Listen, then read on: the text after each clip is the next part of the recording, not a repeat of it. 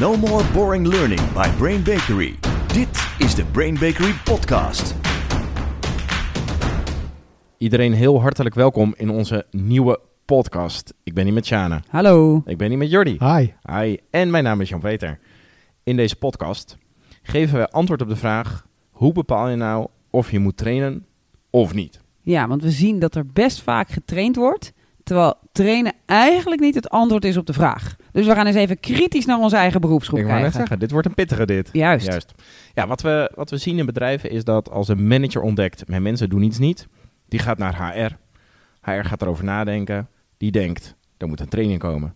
Die belt een trainer of een trainingsbureau op en die zegt... ja, ik heb dus een training nodig. En wat we dan veel zien, is dat er geantwoord wordt met... nou, dat kan. Zo'n training kan ik geven. Ik kom langs. En daar vinden we wel wat van. Ja, want heel vaak is het terecht, maar heel vaak is het ook niet terecht. En dan klop je gewoon geld uit de zak van je opdrachtgever, terwijl je veel beter een ander advies kunt geven. Ja, we zien het heel veel om ons heen dat wij als trainers of trainingsbureaus dus vragen krijgen die heel erg gericht zijn op ik wil een training over onderwerp X. Juist. En de verleiding is super groot dat wij daarop antwoorden. Als je hem kunt geven, dat wij natuurlijk meteen antwoorden met nou, top, kan ik. Ja, en dat is aan de ene kant logisch, want je hoort een vraag waar jij een antwoord hebt. Je hebt Ja. hem al eerder gegeven, dus dat is logisch. Het is ook best logisch dat die vraag vanuit zo'n HR-persoon komt, want wist je, dat is misschien wel leuk, hoeveel dagen besteedt een HR-persoon in zijn vierjarige studie of haar vierjarige studie aan het onderwerp opleidingskunde? Ik heb geen idee. Ik ook niet. Wel geteld één dag. Dat is Wauw. niet Ja. veel. Dus zo'n manager komt, ik heb een training nodig. Die HR-figuur denkt, ja, natuurlijk, er is een training nodig. Ja. Die belt voor een training en je hebt de training, dus zeg je ja. Bovendien is er natuurlijk ook een Juist. geldelijk belang. Jij wil graag trainingen geven, want je bent trainer. Dus als jij een dag een training kan geven, krijg je geld. Dus heel logisch dat die diagnose nooit eigenlijk geïnterrumpeerd wordt. En, en het veroorzaakt boring learning als je niet eerst een goede diagnose stelt. In deze podcast gaan we dus kijken hoe stel je die diagnose. Juist. Dus we geven antwoord op de vraag moet je gaan trainen of niet. Maar we geven ook antwoord op de vraag als je dan gaat trainen. eh, op welk vlak moet je dan, Juist. eh, moet je dan gaan trainen? Ja, daar hebben wij eh, een eigen model op ontwikkeld. Die gaan we natuurlijk goed uitleggen in deze podcast. Ja. En aan het einde van de podcast als, dan gaan we het moeilijkste onderdeel van dat model bespreken. ja. En dan zal ook uitgelegd worden door Sjaner, vermoed ik zomaar, wat het paard van Troje inhoudt. Ja, ja, ja, Ja. ja. JP, volgens mij is het ook nog eens een keer zo dat Ja. wij jou vandaag zover hebben gekregen dat je eindelijk je fuck-up gaat delen met ons. Is dit aflevering 12? Dit Ja, ja, ja, En dan gaat hij nu 12. eindelijk een keer, gaat hij een keer met de billen bloot. Ja. Nou, lekker hoor. Het een werd beetje een keer tijd. opwarmen, maar inderdaad, ik beloof het iedereen. Oh ja, de, fuck-up, hij komt eraan, aan het einde. Ja. Maar goed, voordat we dus naar dat einde van die podcast eh, gaan, duiken we eerst veilig eh, de inhoud in.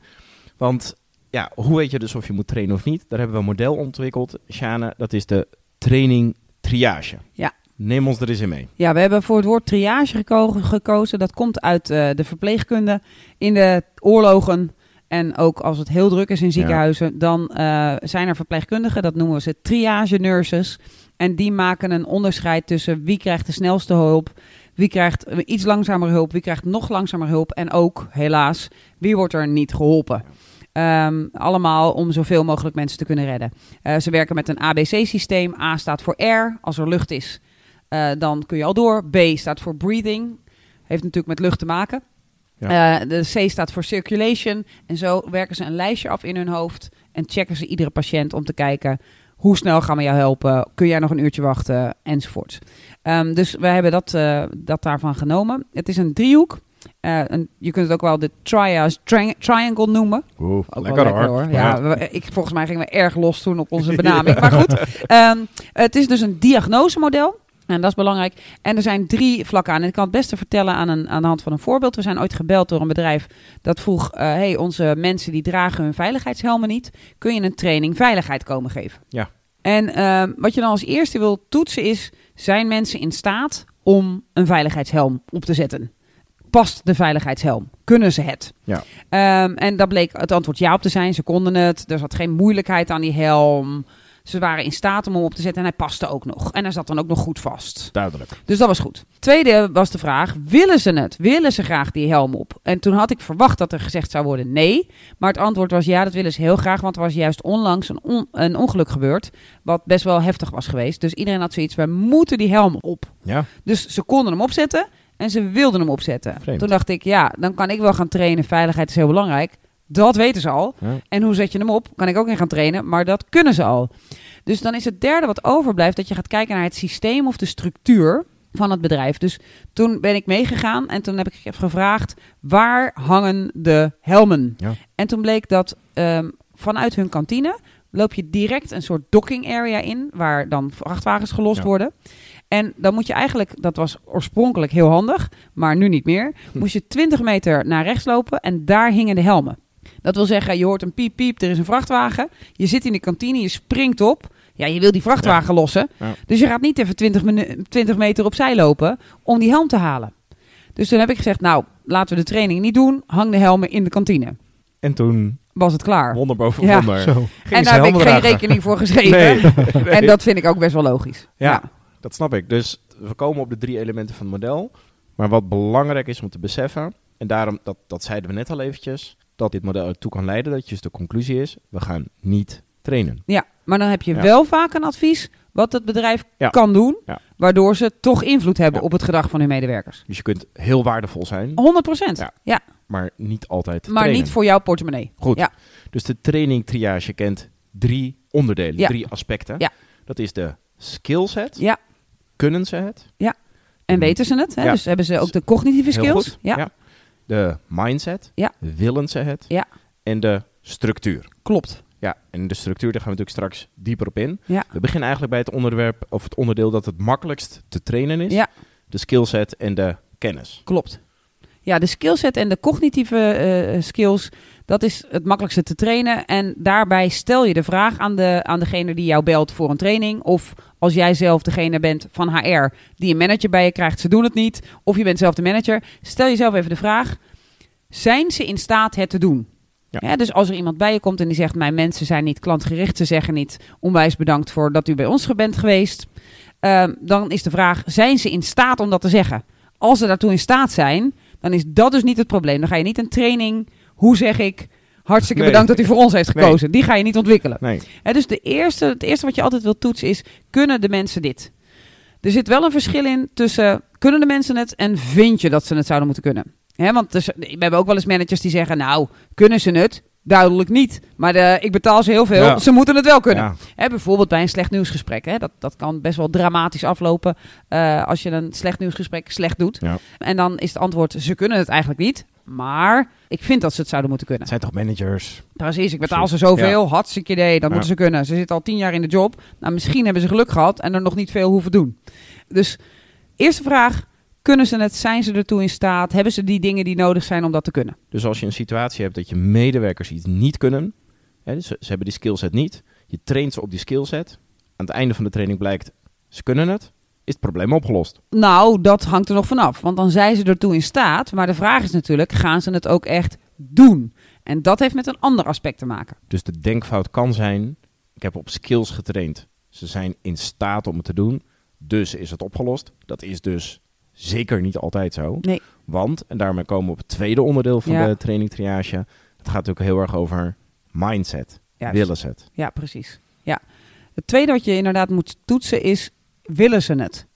En dat is best wel een moeilijke vraag voor een opdrachtgever om te Ja. beantwoorden. Want die denkt, natuurlijk willen ze het, daar betaal ik ze voor. Ja. Eh, of die denkt, ik- die kan zich niet, omdat hij het zelf zo graag wil, of zij wil het zelf zo graag, denken ze, ja, mijn mensen willen dat. Maar, maar je moet dus even iets dieper gaan kijken van, hebben ze echt een soort reden om het te willen? Want, want vaak vraag je bij een training om een gedragsverandering. En dan wil je dus vragen, ja, hebben ze een reden om het te willen? Ja. Eh, willen ze zich graag extra inspannen? Willen ze leren? En willen ze dus het gaan doen? En daar is vaak het antwoord op, nee. Nee, ja, ze, ze kunnen het wel, maar ze doen het niet. Hè, een voorbeeld dat we hadden bij een, bij een, eh, een bedrijf, die verkochten verschillende dingen en mensen kwamen binnen voor product A en daar wilden ze een cross-sell, een extra product bij verkopen. En toen zag je dat, nou, ze wilden het wel graag eh, verkopen, ze wilden zoveel mogelijk verkopen, maar De cross-sell was dan wel heel moeilijk. Ja. Dus ja, en als, ze, ja, als het gewoon toch wel goed ging en dus ze haalden toch hun target wel met gewoon product A, het hoofdproduct, ja, dan kwam het toch wel goed.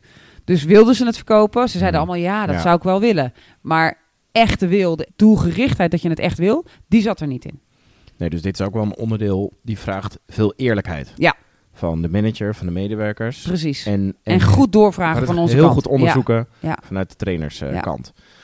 ja, dus we weten dat dit een belangrijk onderdeel is. En wat we zo gaan doen later Ja. is kijken, oké, hoe gaan we dit oplossen? Hoe gaan Ja. we dit nou, Hoe werk je dan aan zo'n mindset? Ja. Ja. Maar we gaan eerst naar het derde onderdeel. En dat is het onderdeel structuur. Ja, wat je ook moet onderzoeken is als het antwoord is van nou, ze, ze kunnen het en ze willen het. Of ze kunnen het en ze willen het niet. Wat eigenlijk ook de antwoorden zijn, wil je altijd nog even naar de structuur kijken. Want de structuur, daar bedoelen we mee, waar zit bijvoorbeeld nu hun bonus op? Wat we zagen, bijvoorbeeld bij dat voorbeeld van daarnet, is dat ze veel meer bonus kregen voor het product A en veel minder voor de cross-sell. Ja. En ja, als je dan toch wel je bonus binnenhaalt door alleen op product A te gaan zitten, dan ga je nooit product B aanbieden. Nee. Dus je wilt onderzoeken of die structuur misschien niet tegenhoudt wat jij eigenlijk wilt.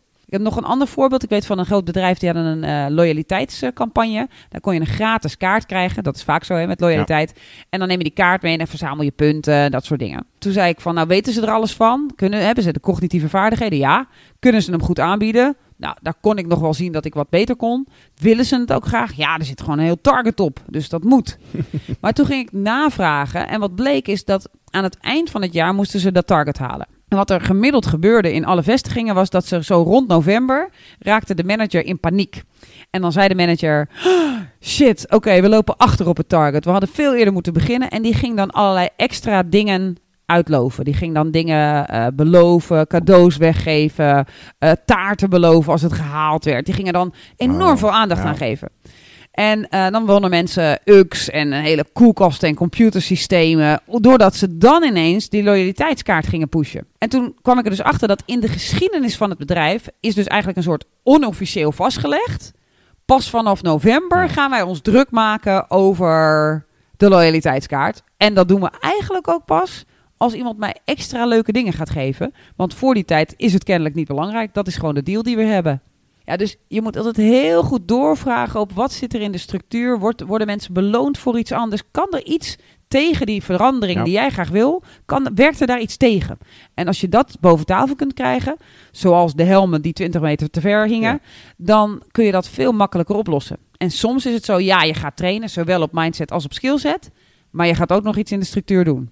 Want om het voorbeeld met die ehm crosscell te doen. De crosscell die deden ze veel te laat in het gesprek kwamen we wachten. Dus daar zat een skillset, dat moesten we ze leren. Ze snapten ook niet waarom het belangrijk was om juist dat extra product te verkopen. Behalve het geld, dat hadden ze wel gehoord, maar niet het belang voor Nee. het bedrijf. En in de structuur zat er dus iets mis, want je kreeg alleen flink bonus op product A en niet op je crosscell. Dus als je ze dan aan alle drie de knoppen kunt draaien, ja, dan heb je. We hadden uiteindelijk een training nodig van, nou, nog geen halve dag. Nee. En bam, iedereen ging, eh, ging door, het, door het lint. Ja. ja. Ja, dat ging heel goed uiteindelijk. En wat dus, wat dus belangrijk hier is, denk ik ook voor de luisteraars om te beseffen, is dat je een soort, ik noem dat zelf maar zo, een soort formele structuur hebt. En je hebt daar ook nog een soort informele laag onder. Wat ik daarmee bedoel is, je hebt je officiële targets, of je hebt je officiële kernwaarden, of je missie of je visie. Waarmee, waardoor managers vaak kunnen zeggen, ja, tuurlijk is dit belangrijk voor ons en dus onze medewerkers. En met de informele bedoel ik, ja, waar, waar gaan de gesprekken tussen de collega's over? Gaan die over hoe blij heb jij je klant gemaakt? Of gaan die over hoeveel omzet heb je gedraaid? Ja.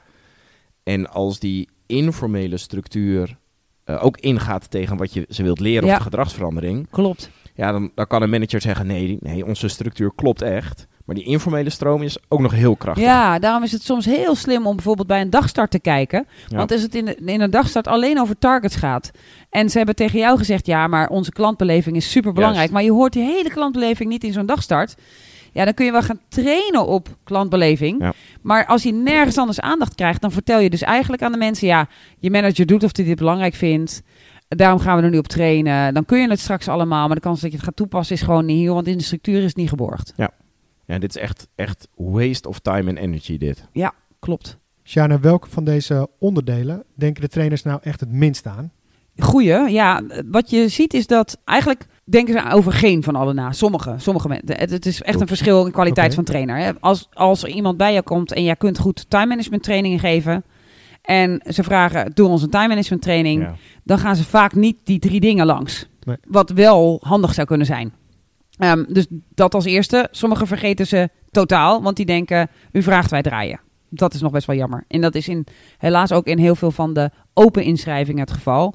Hè, dan heb je dus een individuele medewerker. Je hebt een potje voor die medewerker. Je gaat naar HR, je, die gaat googlen. Die, ziet, die zoekt time management training, want daar wordt om gevraagd. En dan stuur je hem erheen. En dan wordt dit helemaal niet onderzocht in zijn open inschrijving. Maar goed, als mensen het dan wel doen, dan kijken ze wel heel vaak naar de skillset. Wat moeten ze kunnen? Ze kijken ook vaak naar mindset. En degene die het meest wordt vergeten, is die structuur. En als het probleem puur in de structuur zit, ja, dan ga je dus helemaal nat. Want dan kun je trainen tot je een ons weegt. Wat overigens best lekker kan zijn. Eh, nou ja, niet een ons, maar wel een paar kilo minder. Maar eh, dan, dan, ja, dan heeft, heeft het heel weinig impact. Want uiteindelijk werkt die structuur je dan tegen. En dan zeg je als trainer, ik heb het ze geleerd. Ik heb getoetst dat ze het kunnen. Ik heb nog een e-learning erachteraan gedaan. Ik weet dat ze het kunnen, dat ze het weten. Ja, ik snap niet waarom ze het niet doen. Nee, ja, dat had je van tevoren ook uit kunnen zoeken. Ja. Dus die structuur is super belangrijk voor al- ons allemaal, ook voor managers, ook voor HR, om dat mee te nemen. Wat zit er in mijn structuur, wat misschien stiekem tegen mij werkt, terwijl ik het niet eens zo zie? En het lange termijn effect, als je, als je bijvoorbeeld een eigen interne L&D-afdeling bent, Ja, eh, volgens mij is het lange termijn effect, waar veel L&D'ers last van hebben, is dat ze je op een gegeven moment als kostenpost gaan zien. ja, In plaats van als iemand die aan de business werkt. Ja. Want je bent heel veel aan het trainen, je kost geld, precies. maar het Ja. levert niet zoveel op. Nee, Nee. Ja, nee, omdat je die structuur dan niet aanpakt. En, en misschien is dat ook wel moeilijker voor een interne L&D-afdeling. Want soms moet je best wel Ja. eh, zeggen van... ja, jullie hebben je, je bonusstructuur verkeerd opgericht. Ja. Of het kan niet, jullie moeten echt een soort herstelwerkzaamheden doen... over hoe jullie tot nu toe met loyaliteitskaart omgegaan zijn. Dat is natuurlijk soms iets makkelijker als externe om te zeggen dan interne. Maar dan nog, het moet! Ja, anders verraad je je eigen vak. Juist. Je P, Mhm. is dat tijd voor je fuck-up? Nee.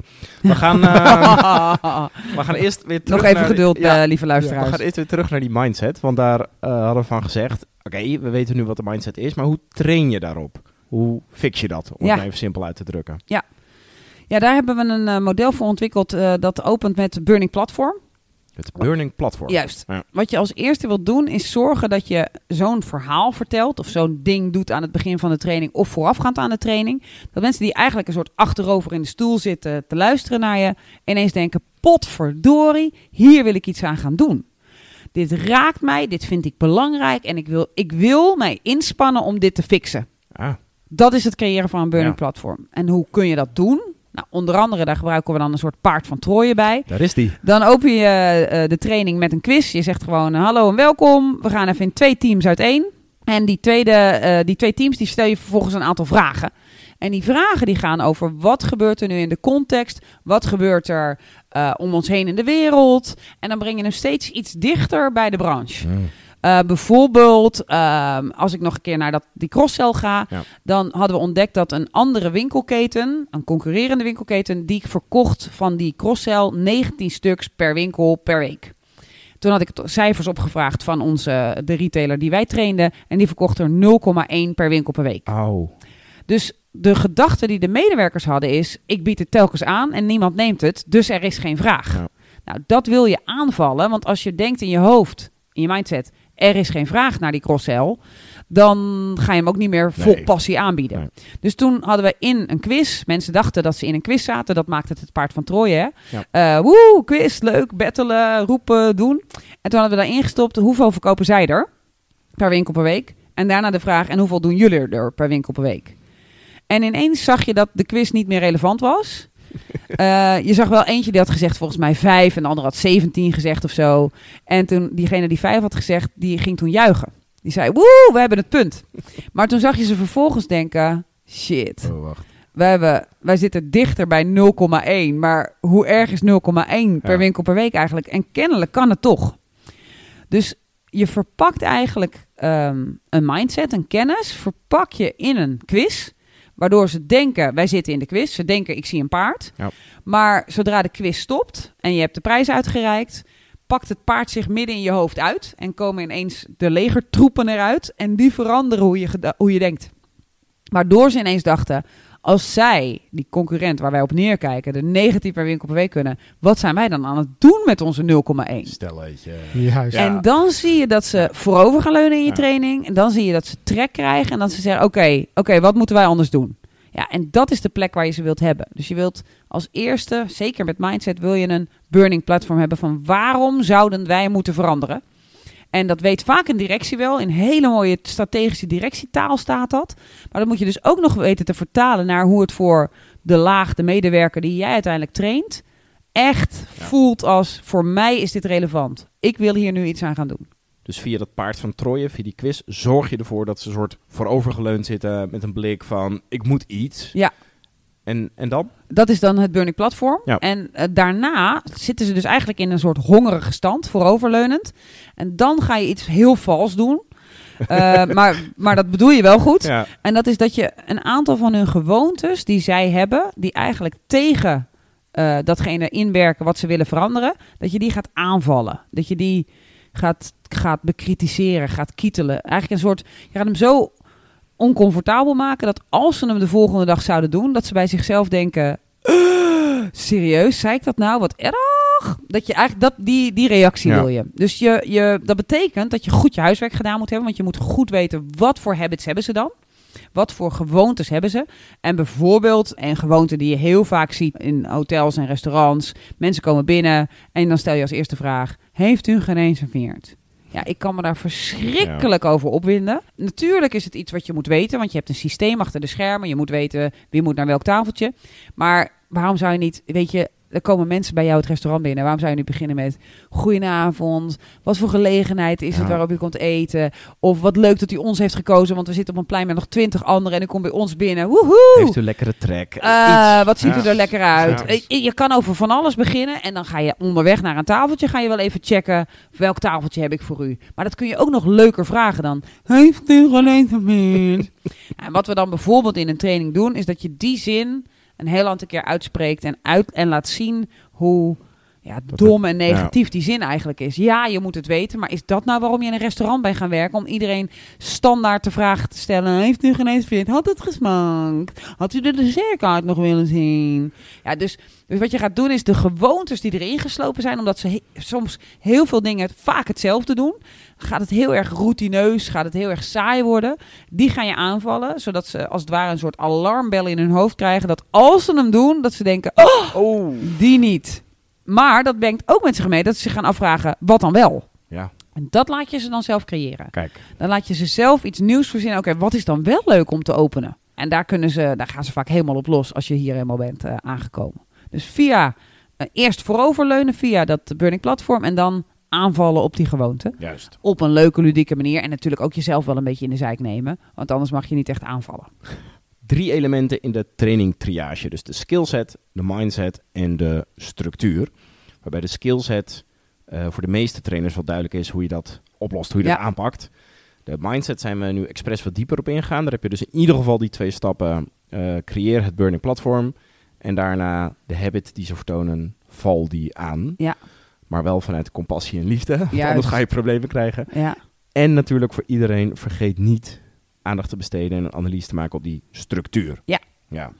Jordi, volgens Ja. mij hebben we weer wat eh, vragen binnen van onze luisteraars. Hè? Dat is ook altijd leuk. Klopt. Kom eens op. Deze is van eh, Linda, zij is trainster. Ik ben gevraagd door een klant om een training te ontwerpen over leiderschap. Het probleem is dat de leiders niet het goede voorbeeld geven. De klant heeft de volgende trainingen gehad: situationeel leiderschap en effectief samenwerken. Ja, wat is dan de juiste aanvliegroute voor mij? Zo. wat een goede vraag. Ja, heel goed. Goed applaus voor Linda. Dat is een hele goede vraag. Want heel veel trainers zouden nu een standaard leiderschapstraining zonder samenwerken en situationeel Ja. leiding geven uit de hoge hoed toveren. En daar leuke werkvormen bij doen. Misschien nog een acteur meenemen ook. Maar dat is denk ik niet het antwoord hier. Dus hele goede vraag. De vraag is dus voorbeeldrol. Zit hem in dat in de structuur? Zit hem dat in de skillset of zit hem dat in de mindset? Nou, de skillset, ik neem aan, maar dat is misschien een onterechte aanname, maar die zou je nog even kunnen toetsen. Maar ik denk dat die wel valide is, dat je geen leiders hebt waarvan je achteraf denkt, dat zijn helemaal geen leiders, dat zijn gewoon stomme mensen die helemaal niks kunnen. Dus laten we die skillset even buiten achterwege laten. Dan zou ik gaan toetsen, wat gaat maken dat ik een voorbeeldrol neem. Ja. Dat ik voorop ga lopen in de strijd. Dat als het spannend wordt, dat ik opsta. In plaats van dat ik dan duik en de shuffle doe. Dat heeft denk ik heel erg met mindset te maken. Met wil ik graag die leider zijn? Wil ik opstaan als het spannend wordt? Wil ik eh, laten zien hoe we hoe het goede voorbeeld geven? Daar zou die in kunnen zitten. Dus dan zou je op mindset kunnen gaan trainen. Ja. Dan zou je daarvoor een burning platform kunnen creëren. Als ik even echt doorfantaseer over hoe engaged zijn je mensen. Heb je daar cijfers over? Uh, wat is je verloop, verloop, ja. verzuim? Ja. Zou je cijfers uit kunnen halen van... hé, hey, dat geeft mij reden om met jou over leiderschap in gesprek te gaan. En je kan ook kijken naar structuur. Want als ik puur en alleen word- krijg en beloond word op output van mijn mensen... en nu gaat er ineens iemand zeggen... ja, je moet ook nog een voorbeeldrol doen. En ik Ja. heb jaren goed gescoord, een mooie beloningen gekregen... bonus, promotie gekregen op pure output... en ik heb nooit de vraag gekregen over... laten we eens even een voorbeeldrol zien... ja, dan is de kans heel groot dat ik... Dat ik denk, ja, leuk dat je dat vraagt. Maar in mijn structuur zit dat dat helemaal niet belangrijk is. Dus dan ga ik niet aan. Dus dat zou ik Linda adviseren om, om te toetsen. Ik gok mindset, maar het zou ook nog structuur kunnen zijn. Combinatie. Interesting. Mooi. Ik hoop dat ze het ons eh, laat weten op een later tijdstip. Ja. ja. De volgende vraag is van eh, manager en dat is eh, Michael. En in mijn team speelt het volgende. Men spreekt elkaar niet aan op afspraken die niet nagekomen zijn. We hebben al eens een training feedback gehad, alleen wordt het niets meegedaan. Wat is dan wel een goede training voor mij? Oeh. Ja, Ja. Oh ja, dit is ook weer een heel mooi voorbeeld Ja. van iemand die zoekt een training, Ja. Maar niet de diagnose. Wat is dan een goede training? Eh, ja. goed, eh, goed dat Michael al wel heeft geïnvesteerd Ja. in een feedbacktraining. Dat betekent dat ze waarschijnlijk allemaal in staat zijn nu op skillset niveau om feedback te geven. Dat ze ook aanvoelen wanneer dat moet. Ja, ik zou nu gaan kijken naar wat levert het mij op, what's in it for me, als ik ook echt die feedback krijg en geef. En zit er misschien iets in de structuur, in de onderlinge samenwerking, in het systeem, wat dat best wel tegengaat. Waardoor ik misschien wel gestraft word. Waardoor ik misschien in de kantine niet bij de rest mag zitten, omdat ze ineens zeggen: joh, jij ging wel erg ver met je, met je feedback.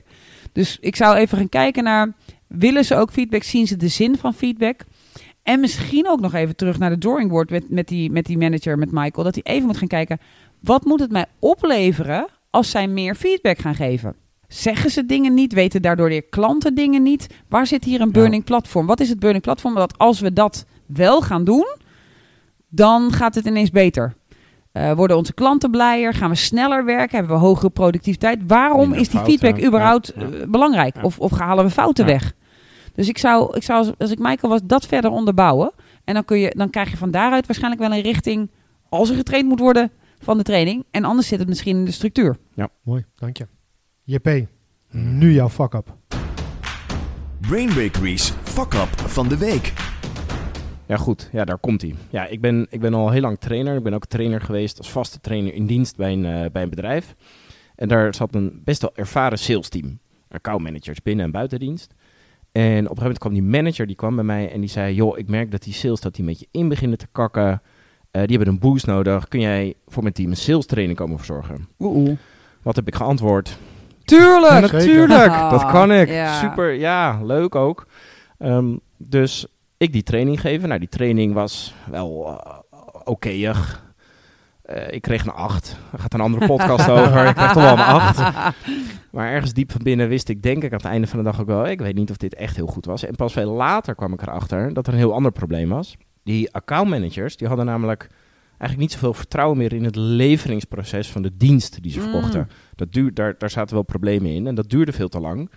Dus die dachten, ik ga dat mijn klant niet aandoen. Ja, En ik stond ik daar met mijn sales leuk. training. Woehoe, Oké. leuk Ja, trainen. Ja, Ah, ja. ja. auw. Auw. Sorry Ja. mensen, sorry. Mm, Ja. sorry.